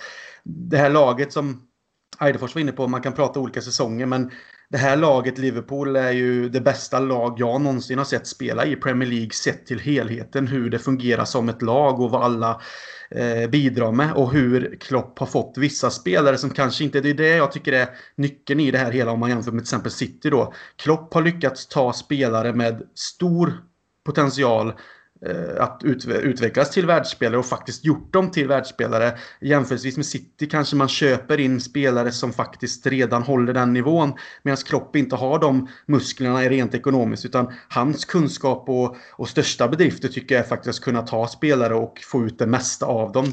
Vi kan prata Robertson som till exempel och kommer från ett eh, Hall som blivit nedflyttat. Vi kan prata en Trent som är en stor talang givetvis men du ska fortfarande hitta platsen och låta han utvecklas och få det rätt. Och, det är liksom en Henderson också, hur han har utvecklats. Och, ja, vi kan prata alla egentligen med Mané och Salah med. De har haft siffrorna i sig. De har haft eh, höga nivåer. Men de nivåerna som Klopp har fått det här laget att uträtta är, är för mig kanske den bästa tränarprestationen som jag någonsin har sett. Ja, och det, och alltså det jag tycker är så imponerande, för att liksom återknyta också till det här med att man, man satt och blev liksom tårögd varje gång man såg en spel, det är ju att alla spelare, oavsett antal minuter, har och jag vet inte om man är färgad av alltså, sitt supporterskap, men jag tror ändå att även supportrar till andra lag kanske, alltså man vet vilka de här är. Det är liksom 18-20 spelare som har gjort det här tillsammans. De har fyllt exakt sina roller i den här gruppen. Om man bara gör en, återigen då gör bara en snabb liknelse med ett Manchester City så tycker jag man har kunnat se dem lyfta en Premier League-pokal och så har det varit det har stått fyra, fem alltså världsklasspelare i bakgrunden som man knappt visste att de, de typ var där. Alltså liksom, de har ju kunnat ha ett sånt överflöd av spelare som, som har kunnat spela fem, sex matcher hit och dit. Hade de vunnit nu i år så är det så här, jaha, var Bernardo Silva där också? För det, alltså, han spelar in en, egentligen ingen roll i det här guldet, men han var ändå där och de kunde använda han när det passade och lite så. Alltså vi har, vi har verkligen, alltså Jürgen Klopp har lyckats få exakt den här gruppen att liksom pressa ut varenda droppe prestation ur sig själva och ur kollektivet tillsammans. Och alltså det, det krävs ju och det är inte bara Jürgen Klopp och det ska verkligen sägas med alltså Pep Linders eh, till exempel och hela den ledarstaben runt omkring. Och jag tycker man ser till och med där liksom hur jävla stark ledarstaben är gemensamt. Alltså vilken styrka och kärlek som verkar finnas i den.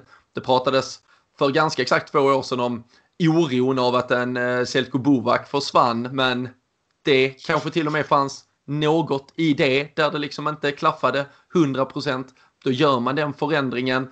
Man gör hela tiden saker för gruppens bästa, för lagets bästa, för i slutändan klubbens bästa. Och det, och det finns liksom inga ingen som kliver upp på någon hög häst och anser sig vara viktigare än någon utan alla spelar en sån jävla, ja men man, det, det är roll, alltså man går in i sin roll och man tar den på absolut bästa sätt och jag tror ingen kommer vi kommer att se en Adam Lallana lämna snart. Vi kommer säkert se en Dejan Lovren lämna den här sommaren. Vi kanske ser någon spelare lämna till. Och oavsett om du har spelat varenda minut eller ingen minut för Jürgen Klopp så, så kommer du att prata om honom som liksom den, den säkert viktigaste tränaren och kanske ännu viktigare människan som, som du har haft liksom, i din närhet som fotbollsspelare. Och det, det blir ju liksom lätt och man överdriver och man vet knappt vilka ord man ska ta till. Men, men när vi konstaterar vart vi har kommit och hur mycket kärlek man känner för hela den här gruppen så, så vet man ju att det är en person som är ytterst ansvarig för det och, och det är uh, Jürgen Klopp och det blir ju ganska charmigt när han säger uh, efter uh, att ha vunnit Premier League liksom att ja, det är ganska bra för en kille som alltid bara kommer tvåa. Det var liksom det epitetet han fick ta på sig ibland att, att han nu har vunnit allt som går att vinna. Och uh, kan väl i sammanhanget passa på att pusha för att uh, nakata.se har fått in sommarens snyggaste tisha igen. Den här uh, klopptishan som vi har pratat om för Den finns återigen i lager och det kan ju inte bli, det, det, är ju inte mer passande än att glida runt i den eh, de närmsta veckorna här i alla fall. Så in på nakata.se, använd LFC10 eh, för eh, 10% rabatt. Så, eh, så kan man vara lika snygg som eh, Fredrik Eidefors hela sommaren. Jag skulle säga precis som, jag har aldrig sett en så snygg människa som du på den, i den tröjan. Så att, jag, tror du får vara mått, jag tror du får vara måttstocken här faktiskt. Ja, den, eh, den, den satt man gött med i, eh, i solen i, i Göteborg eh, förra veckan. Det, det, det ska erkännas. Jag, jag, måste bara säga på tal om det här med viktiga personer. En grej som vi, som vi inte man pratar, eller man pratar om det för att man ser det aldrig heller. Men vi pratade om van Dijk i början av avsnittet om att han har spelat nu då varenda match de här två säsongerna i ligan. Och eh, han, han gick ut efter, eh, jag vet inte om det var efter matchen direkt eller om det var, även om det var lite efter matchen, alltså någon dag senare. Och just tackade en av de här fysio människorna som han har jobbat med sedan han kom till Liverpool som jag förstod det rätt och lämnade efter, efter den här säsongen. Och en sån grej ska man ju liksom... Det är som du sa, alla är viktiga. Klopp pratar ju mer än någon annan, tror jag, tränare om hur viktigt de som står i köket, de som jobbar med, med eh, träningskläder, allt möjligt, hur viktiga de här personerna är för, för, för det här laget som han håller. Och, ja, det, det, är som sagt hur, eh, hur man ska ta sig vidare snarare, alltså från här, hur, du pratar om att ha pressat ut mycket, hur, hur mycket mer kan han pressa ut det här laget tror ni? Ja, finns, vet, alltså, finns det mer? Ja, men det, jag är inte säker. Alltså för van Dijk attackar ju två, så det är ju Andreas Kornmeier och en till. Mm. Uh, sen vet men jag tror inte att någon av dem, får vi ju dubbelkolla det, men att de ska lämna. Jag tror det var liksom ett ärligt tack bara till att de har gjort det möjligt, båda två. Bara att, att det var uh, verkligen... som hade Nej, att hålla honom eh, fysiskt klar. Och sen så, för vi ska ju plocka tillbaka, uh, vad heter han, Chris Morgan från uh, Arsenal Just. som är, har varit fysio där. Men det är ju för att ja, vår andra lämnar för, vad fan var det, Katars landslag eller något annat suspekt ah. skit. Men nej, så jag tror inte att det är någon som lämnar. Men det är ju klart att alltså, staben runt, alltså vi har ju verkligen toppat upp med de bästa. Alltså det var ju som du säger, det var ju hälso, alltså Koste, mm, dietistexpert från eh, Bayern München, Kornmeier kom väl också från Bayern München om jag inte minns fel. Ehm, det är ju verkligen ett, återigen, ett lag och jag tror oavsett om vi förstår det eller inte så verkar det ju verkligen som att alla spelare och alla oavsett funktion i klubben har förstått hur viktigt det är att varenda människa går på liksom 110 procent varje dag på jobbet så att säga. Och eh, det, så jävla lätt att sitta och säga att det känns unikt och, och allting, men de verkar ju verkligen älska varandra allihopa och, eh, och det, det kan ju uppenbarligen inte, det, det, har ju underbyggts med, med resultat nu också, så eh, ja, återigen, att Klopp har fått ihop det och uh, att han har byggt något som uh, verkar vara tjockare än både blod och allt möjligt egentligen uh, är, är väl bara ett konstaterande. Ja, helt klart. Herregud. Nej, det är uh, mäktigt att uh, ha fått uh, uppleva den här säsongen, den här ja, men perioden. Alltså, den här, det, det, är ju historiskt vad gäller, alltså, vi behöver ju inte titta just på om det var 18, 19, 19, 20 exakt. Alltså, det är ju spelarna, ledarna här Christian, vi kommer att, att minnas som, som de som gjorde det möjligt. Jordan Henderson blev i fredags utsedd till Football Writers Player of the Year. Uh, det, spelarna ska ju utse sina. Ditun också eh, kommer även uh, årets unga spelare och så vidare. Vi, vi har ju pratat om hans vikt för uh, det här laget. Uh, det är en Sadio Mané, en van Dijk såklart var, var också med i uh, diskussionerna. Också spelare som hade fått väldigt många röster. Kevin De Bruyne såklart som den exceptionella fotbollsspelare han är.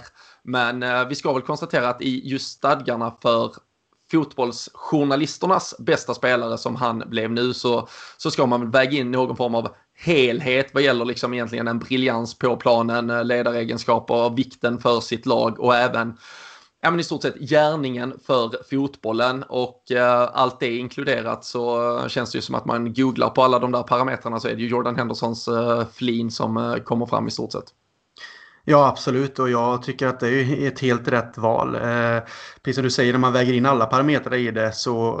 Alltså fotbollsspelaren Henderson kanske är begränsad jämfört med andra. Men eh, liksom, om man ser till ledaren Jordan Henderson, både på och utanför planen såklart. Och personen Henderson där såklart är det utanför givetvis. Men han som motor, kapten, pådrivare, och givetvis en, en, en, stor fotbollstalang. Han hade aldrig kommit till Liverpool om inte han haft en stor talang. Det fanns andra klubbar som tittade på honom med. Liksom, vi har ju hört om Ferguson som pratade om att de inte värvade honom på grund av att han sprang konstigt och så vidare. Så det kan han ju få äta upp också. Men det är väl mer det här att talangen har alltid funnits där. Att förvalta den och ta den vidare. Du nämnde tidigare Robin här om en Henderson som på, var på väg till kanske ett Fulham under Rodgers.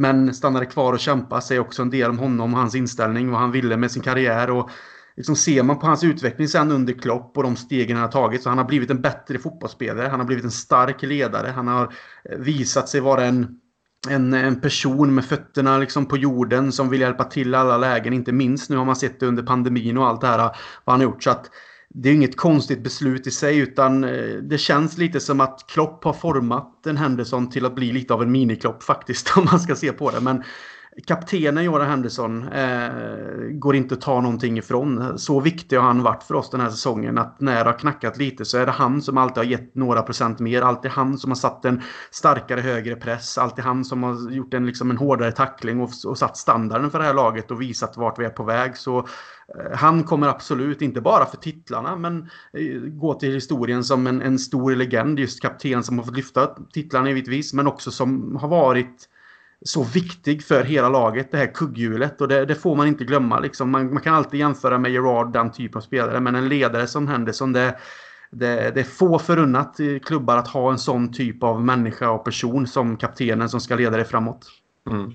Och det var ju återigen så Adam Lallana pratar ju såklart om, om sin vän Jordan Henderson men han, han beskrev ju till exempel eh, mot eh, när vi hade mött Sevilla i eh, Champions League-gruppspelet var det väl när vi åkte dit, ledde med 3-0 och tappar sen till, till 3-3 i andra halvlek och, och Jordan Henderson sätter sig liksom i, i bilen äh, träningen dagen efter och liksom säger att det här är inte, det är inte okej. Okay. Jag, jag, kan inte, jag kan inte representera, jag kan inte vara lagkapten och, och låta mitt lag, äh, liksom, jag, jag har skämt ut klubben i stort sett att det här har att det här har hänt, alltså de personliga åtaganden han har tagit, alltså hur mycket det har betytt för honom och eh, den resan han har fått göra Fredrik. Det, mm, det, är väl, alltså jag, det är väl, jag kan inte spontant i alla fall hitta någon liknande. Alltså det finns ju otroligt många större fotbollsspelare. Det finns säkert spelare som har vunnit mer och gjort det bättre men, men väldigt få som har gjort den resan och varit så nära kanske att eh, få en fotbollskarriär som gick i en helt annan riktning och istället på bara ett fåtal beslut och på en jävla en jävla skalle och med så otroligt mycket motivation uh, vända den kursen och istället stå där han står idag. Ja, nej, jag kan inte heller göra det. Alltså, det är ju inte så som jag menar, Lukas Leiva hade ju en, en, tuff start och blev utbuad och folk gick från arenan och var besvikna. allt möjligt. Men det här är ju en, eh, han, han hade ju liksom inte samma framtid att gå som Henderson riktigt. De, han var ju tänkt när han kom till Liverpool att han skulle bli den här stora engelska spelaren. Han var ju väldigt talangfull som sagt när han, när han kom dit också. Men han visade ju på det här eh, liksom, syndromet som vissa spelare har visat på i början. Att det kändes som att han inte riktigt vågade ta för sig. Men så fort han började ta för sig, jag tror vi alla kommer ihåg eh, när han stirrade bort Diego Costa på, på Anfield. Och liksom, han har ju visat sig vara den här liksom, ledaren och eh, går den här långa vägen. Och Det är väl också därför när man satt och jag vet inte om ni gjorde samma sak, men när man satt där i coronapandemin när det var som värst och allting avbröt. Tänka att den här killen har gått om, liksom på 9-10 år nu då liksom och jobba mot den här, den här drömmen och sen så ska han få den här titeln liksom bara borttagen för, på grund av detta. Jag tänkte, tänk, tänk vad trist för en sån spelare som har verkligen tagit den här långa vägen liksom och jobbat sig dit. Men nej, han har ju verkligen visat, visat på att han är en, en stor ledare och eh, verkligen en, eh, som sagt, en, eh, en, en, en role model för alla fotbollsspelare mer eller mindre som, som Krille säger. Han är inte bäst någonstans, men att ta sig dit han spelmässigt är och, och, och har lyckats med det han har gjort, det är ju helt galet imponerande. Så att, eh, hatten av om man har en sån på sig, helt klart till honom. Ja, ja. Äh, verkligen, och äh, vi får väl se hur äh, det går när, när även äh, spelarna, alltså kollegorna, äh, säger sitt och Player of the Year och äh, årets unga spelare ska ska utses och vi hade ju kunnat sitta här i, i, i timmar och, och prata om varje spelare. Vi har fått nämnt van Dijk, vi har nämnt Alison Becker, vi har ja, nämnt eh, Jordan Henderson nu. Sadio inte Mané så mycket och... Mané har vi inte nämnt. Nej, och, borde och det, nämnas. ja, alltså det är ju klart och det borde nämnas. Och, alltså Trent borde man väl prata mycket mer om. Uh, Andy Robertson känns som han då har varit liksom den sämre av de två. Han gör ändå typ 12 assist till slut och liksom de, de gör ju liksom de gör ju vad de vill eh, på de där eh, kanterna. Joe Gomez eh, växer för varenda match bredvid van Dijk känns det som och eh, Fabinho eh, var ju kanske hela höstens bästa spelare. Så vi kan sitta här i, eh, i evighet och vi får väl, vi får väl återkomma lite till det. Men uh, Fredrik, Sadio Mané kanske ändå uh, är den som uh, förtjänar någon en minut åtminstone. Äh, lite han, mer. Han, jag skulle säga att han har varit den bästa spelaren för oss. Här, han har varit den, eh, den, den, bästa spelaren. Han har verkligen, nu har jag inte schemat framför mig som jag klickar ner från början av avsnittet, men liksom två mål mot Newcastle eh, när vi låg under. Eh, målet mot Southampton. Målet, eh, han vann straffen mot Leicester, vann straffen mot Tottenham hemma. Alltså det, han, han, har gjort så viktiga saker den här säsongen som har betytt så extremt mycket. Ja, van Dijk återigen kanske den bästa spelaren liksom i laget rent overall så sett med hur viktig han är. Men, men Mané har varit den här säsongens absolut bästa spelare. Nu tror väl jag De Bruyne fortfarande kommer vinna priset som bästa spelare rent overall. Men i Liverpool så har ju Mané varit helt ovärderlig. Alltså han har eh, ja, så många mål och viktiga ja, villamatchen. Sista, alltså assisten ja, till. Robertson. Alltså det, Wolverhampton allt... gör, är det väl också han? Är det inte det? Jo, och det, han Norr, gör målet Norwich också. Ja. Ja, så att det, det, kan ju hålla på så här en hel, en hel dag eller mindre som du säger. Men eh, nej, eh, Mané för mig är, är den bästa spelaren den här säsongen. Men jag skulle fortfarande säga att i det här laget, återigen, det, det, man kan inte sitta och prata med en spelare. Det, som du säger, det går inte. Det, ja. det, det är helt makalöst. Ja, men det är verkligen det och eh, de eh, har nu fått eh, två veckor väldigt välförtjänt semester. Sen börjar lite drygt då en månads uppladdning. Premier League har ju bekräftat att den 12 september så sparkar det igång igen. Blir en intensiv säsong. Det brukar ju vara säsongsavslutning kanske kring den någonstans mellan den 10 och 15 maj. Nu en vecka extra till den 23 men vi får komma ihåg då att det är drygt en månad senare vad gäller säsongstarten så det ska komprimeras eh, lite och eh, ännu inga besked kring hur FA-cupen och eventuellt framförallt kanske ligacupen eh, förändras för att få ihop detta. Ett transferfönster internationellt som ska vara öppet till den 5 oktober. Vi får väl se exakt vad England kommunicerar kring det där. Men vi vet samtidigt Christian att det är ett Manchester City som ska in i ett Champions League-slutspel i början av augusti. Kan dröja fram till ja, slutet av augusti, nästan eh, 23 augusti är det Champions League-final ifall de går hela vägen dit. Eh, vikten för Liverpool att nu eh, ladda om och försöka hitta möjligheter för att komma liksom flygande in i nästa säsong. Det är ju tråkigt att kanske redan nu börja titta framåt. Det finns så mycket i allt det som har varit man vill grotta ner sig i. Men samtidigt känns det ju som att det är en otrolig chans för Liverpool med tanke på hur länge det här guldet nu faktiskt har varit säkrat. Med tanke på att vi kanske har sparat lite krut i benen. Att eh, komma otroligt väl förberedda inför nästa säsong. Ja, det tror jag. Och eh, det gör absolut ingenting att de får eh, mer vila än potentiella konkurrenter nästa säsong. Att, att City inte ska gå och vinna Champions League är ju någonting som vi alla hoppas på. De får gärna gå till final och förlora. Kan vi väl, ja, ja, precis. Det, det, är väl det i så fall eh, såklart. Och nu har ju de en, en, större typ av trupp och allt det här med rotation. Och sen, sen vet man ju inte. Vi har ju sett en van Dijk som vi nämnde här har spelat liksom varenda minut i två säsonger i rad typ. Eh, Eh, så att, det beror ju på lite vilken typ av spelare och genetik och allting. Och sen vi pratar om det här med staben runt omkring också kring fysios och allt det här. Så att det är så olika till varje spelare. Men som, som helhet, som lag, så tror jag absolut att längre vila, en, eh, en typ av ordentlig eh, försäsong ändå, oavsett att det blir lite som det blir nu på grund av pandemin och allt det här, så, så tror jag att det kommer gynna Liverpool som inte har lika många spelare att kunna gå runt på som City har. Så att, det, jag tycker att det känns jätteskönt att det, det ser ut som det gör. Jag hade såklart velat att vi vi var kvar i Champions League och kunnat vinna den med. Men ska man titta på den här säsongen och hur den har utvecklat sig kring allt och hur tajt det blir nu innan vi startar igång igen så, så tror jag faktiskt att det är väldigt eh, turligt och bra för Liverpool och spelarna att få det här. Alltså att man kan liksom börja om på 100% när det väl är dags. Mm.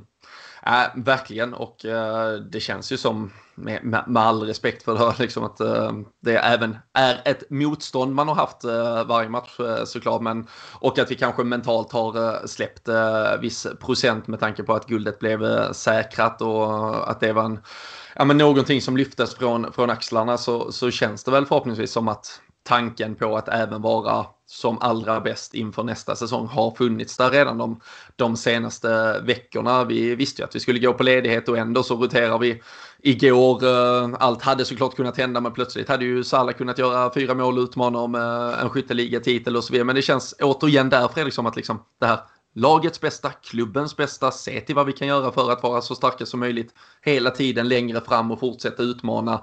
Det, det har liksom den, den tanken verkar ändå ligga som ett litet fundament hela tiden just nu.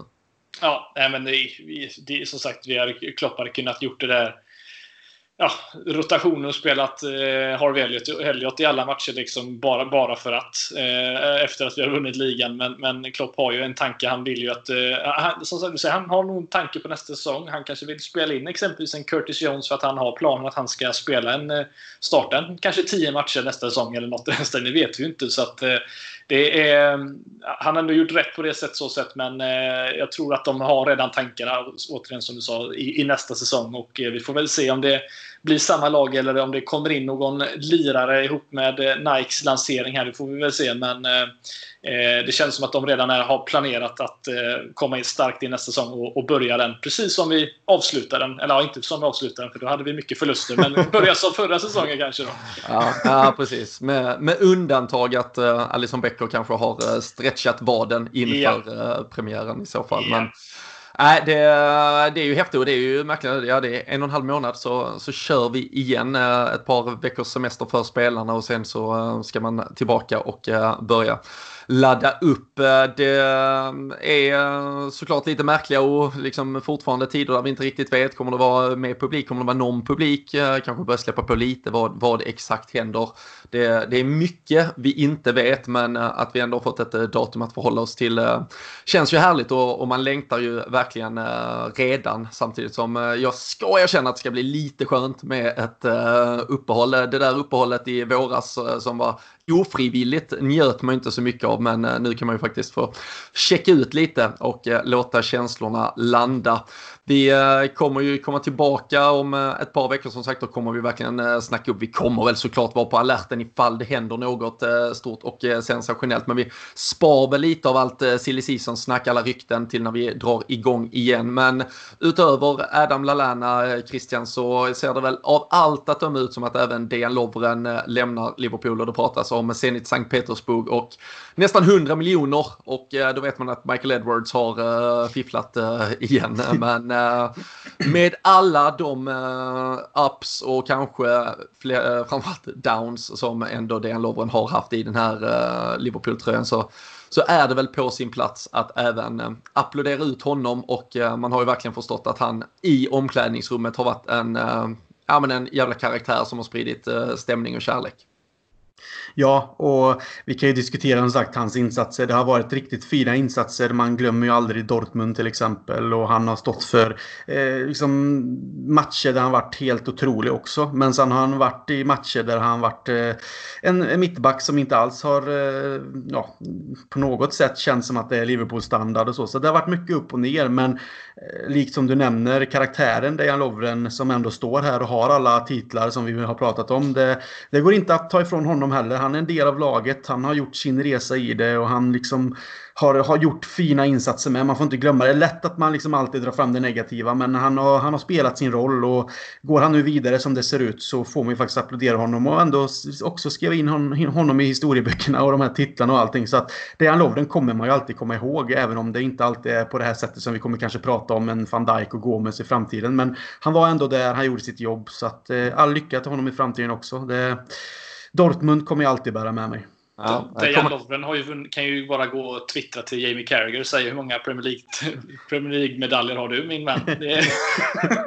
ja, för fan. Häng på ett uh, VM-silver eller Champions League-pokal. Uh, ja, det är Ja men, det är ju, ja, men det är ju bara att applådera och det är, det är faktiskt ganska kul. Eh, du, du nämner såklart det mest självklara med tanke på alltså Dortmund-matchen där, den 4-3. Men jag minns ju nästan ännu mer en annan Dortmund-match när vi möter dem i uh, sista träningsmatchen inför säsongen 14-15 måste det väl vara när Dejan Lovren precis har har kommit till oss och han är så jävla bra Fred. Vi vinner väl med 4-0 mm. minns du? Och det kändes som att här har vi ju värvat Ja, det är ju världens bästa mittback. Allt är klart liksom. Typ så ja. Ja, nej det är det, det, är, det är snabbt det kan vända i fotboll, det, det, det vet vi om. Men eh, det är som sagt, det finns många spelare i Liverpools historia, framförallt i det här laget, som man kommer sitta och tänka om att ja, de har vunnit mycket, men eh, de har, ja, Origi exempelvis, där har vi också en som kanske inte kommer vara den, den spelaren som kommer spela mest matcher, om han ens stannar, det vet vi inte heller. Men det, det finns några stycken sådana som man ändå säger att när de väl kom så Eh, gjorde de någonting men kanske inte har blivit Klopps första alternativ direkt. Men eh, man får inte ta ifrån dem allting de har eh, gjort i slutändan. Det, det, det, det är man taskig att säga. Ja, nej, verkligen. Uh, Origi stod ju faktiskt kvar uh, sådär fem minuter extra mm. efter uh, prisutdelningen senast på framför Dekopp och liksom sög in det. om det var bara ögonblicket i sig eller om det fanns ett, ett större, ja, något, något större att väga in i det får vi väl se. om, om så är fallet så avslutar han ju verkligen snyggt med, med målet igår. Men vi vi eh, återkommer såklart eh, till eh, alla rykten, till allt som kommer att spekuleras om det blir en Thiago in och pratas mycket om unga tyska lovande mittbackar också till Dejan Lovren. Så äh, men vi, vi spar väl det Fredrik som uh, lite teaser och lite karameller så att folk vet att det finns en godispåse av LFC-poddar att även öppna upp lite längre fram. jag Eh, kolla upp det, 87 avsnitt blir det med det här, eh, den här säsongen. Det är eh, sannoliken vår längsta säsong kan jag konstatera och det har varit ett, ett jävla nöje att uh, återigen göra den. det är häftigt att vi har suttit här uh, mer än en gång i veckan sedan 2013 och pratat om det här laget och det vi har fått prata om de, de senaste två åren är bara så otroligt jävla häftigt, underbart, fantastiskt och eh, att eh, vi, eh, vi tre här tillsammans och många med oss som vi har lärt känna genom detta fick eh, avsluta tillsammans förra veckan också. Det var, det var väldigt, väldigt speciellt. Det har varit otroligt häftigt och eh, jag vill väl ja, bara passa på att eh, tacka både er, tacka alla man har gjort eh, de här poddarna med och eh, framförallt alla ni som har lyssnat för att eh, vi tillsammans gör detta möjligt och fortsätter bygga Liverpool-nätverket. Den så ökända sekten i Sverige och det blir svårslaget att, att få vara supporter till det här laget till, tillsammans med alla er. Så jag hoppas verkligen att eh, ni har haft eh, en eh, fantastisk säsong, att ni har haft fantastiska dagar här som har avslutat säsongen och att ni nu får några veckors välbehövlig och skön semester så, så hörs vi snart igen. Och eh, passar såklart på att eh, återigen tipsa om Sam Dodds eh, som har eh, massvis med härliga mästarkläder och eh, annan merchandise i eh, sin shop just nu. Men också nakata.se som har den här grymt snygga klopptishan och att ni då med LFC 10 får 10% rabatt. Och sen vet ni att ni har LFC.se, supporterklubben som är trygga famn de här veckorna när ni kanske saknar oss. Då får ni in där och ha det som lite snuttefilt. Men uh, we go again Krille, om några veckor. Vi samlar kraft va? Du är redo? Jag är alltid redo och kan passa på snabbt och lägga in det med. Att, eh, som sagt, fantastiskt att göra detta. Men som nu i onsdags när vi fick avsluta det här och vi fick ses igen. Vi har inte setts på, på länge vid podden heller. Men just att sitta ner och dricka öl och bara snacka fotboll och veta vad som komma skall med ett pokallyft på kvällen. Alltså, de stunderna tillsammans med, med både er i podden och vänner man har lärt känna via podden och i andra sammanhang som har med Liverpool att göra. Det, det är det som gör den här så kallade sekten till något fantastiskt. Och bara få göra det nu med en pandemi som har varit i bakgrunden och förhoppningsvis en, en, en ljusare framtid. Det, det, är fantastiskt. Jag hoppas att, vi, hoppas att vi kommer få fler tillfällen att komma ut mer i Sverige tillsammans längre fram också. För det är så jävla roligt att träffa alla där ute på de här olika träffarna och eventen. Och så hoppas vi att Liverpool kan göra likadant nästa säsong och få oss uppleva ännu mer fantastiska tillfällen tillsammans också. Så det, det vill jag avsluta med för min del. Ja, verkligen. Och eh, du lovade 101 poäng Fredrik. Du är redo för det också? 102 kan jag lova den här gången det låter bra. Uh, vilken jävla resa från att vi satt där sommaren 2013 och pratade värvningar av eh, Luis Alberto, Iago Aspas uh, till att vi uh, konstaterar att Liverpool är mästare av England, Europa, hela världen och tillsammans gjorde vi det här möjligt. det har varit en ära. Vi stänger ner den sjunde säsongen av LFC-podden och så hörs vi igen om några veckor. Tack för att ni är med oss. Gillar ni det vi gör kan ni gå in på patreon.com LFC-podden. Eh, det blir vi otroligt glada för i så fall. Eh, tack för att ni lyssnar. Ta hand om er och ha en fortsatt underbar sommar.